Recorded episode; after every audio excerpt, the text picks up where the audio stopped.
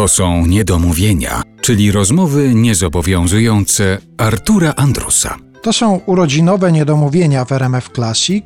Poprzednią część wspomnień Ignacego Gogolewskiego zakończyliśmy opowieścią o dyrektorowaniu Teatrowi Śląskiemu w Katowicach, które zaczęło się w 1971 roku wyreżyserowaniem dramatu Wiktora Igo Louis Blas. A jak się skończyła teatralna przygoda z Katowicami? Pogniewał się pierwszy sekretarz że ja nie doczekałem do końca roku, tylko 22 lipca. Powiedziałem, to ja już dziękuję, bo, bo nie mogę już tutaj dłużej. Jak to nie może? Ja mówię, nie, dziękuję, wracam do Warszawy. No, to w takim razie życzę panu, aby pan tam w tej stolicy nie zapłakał. Przyznam się, że tego rodzaju perspektywa powrotu do stolicy nie była zbyt. Ale Szczepański wtedy objął telewizję. Zetknąłem się z nim w Katowicach. Ja pojechałem do Katowic, on przyjechał do Warszawy i prowadził tę telewizję.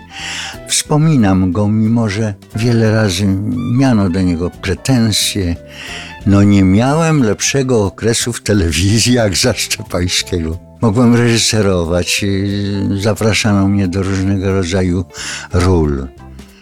Wziąłem ze sobą książkę pani Jolanty Ciosek, która no nie cały okres obejmuje mojej działalności, ale bardzo serdecznie wspomina te wszystkie sprawy, o których tutaj powiedziałem. No, jeżeli można, to bardzo serdecznie panią Jolantę Ciosek pozdrawiam, ponieważ jej zawdzięczam tę książkę Ignacy Gogolewski od Gustawa Konrada do Antka Boryny. Rozmawia Jolanta Ciosek. No rzeczywiście rozpiętość nie bywała, ale okazuje się, że tak mi było pisane. A to chyba wymarzona sytuacja dla aktora, granie takich Oczywiście. ról. Ale kiedy pan Rybkowski zaproponował mi Antka, to ja mówię, ale proszę pana, no, panie reżyserze, mnie się wydawało, że pan będzie mi promował mnie no, jako tego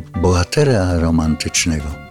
No co Hańcza, wiadomo, jakim tubalnym głosem operował.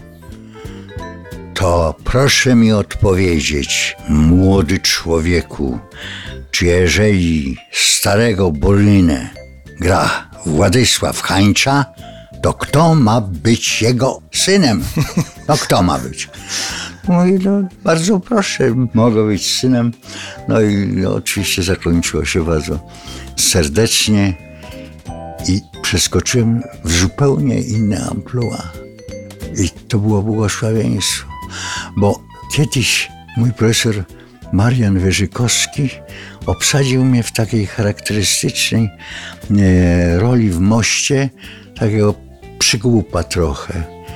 Ja tak mówię, panie profesorze, no, no co to jest za rola, co ja mam z nią zrobić? To ty nie wiesz, że jak skończysz 40 lat, to nie będziesz już grał tych ról, tylko musisz szukać nowych rozwiązań. I on miał rację. Miałem wspaniałych pedagogów, wspaniałych.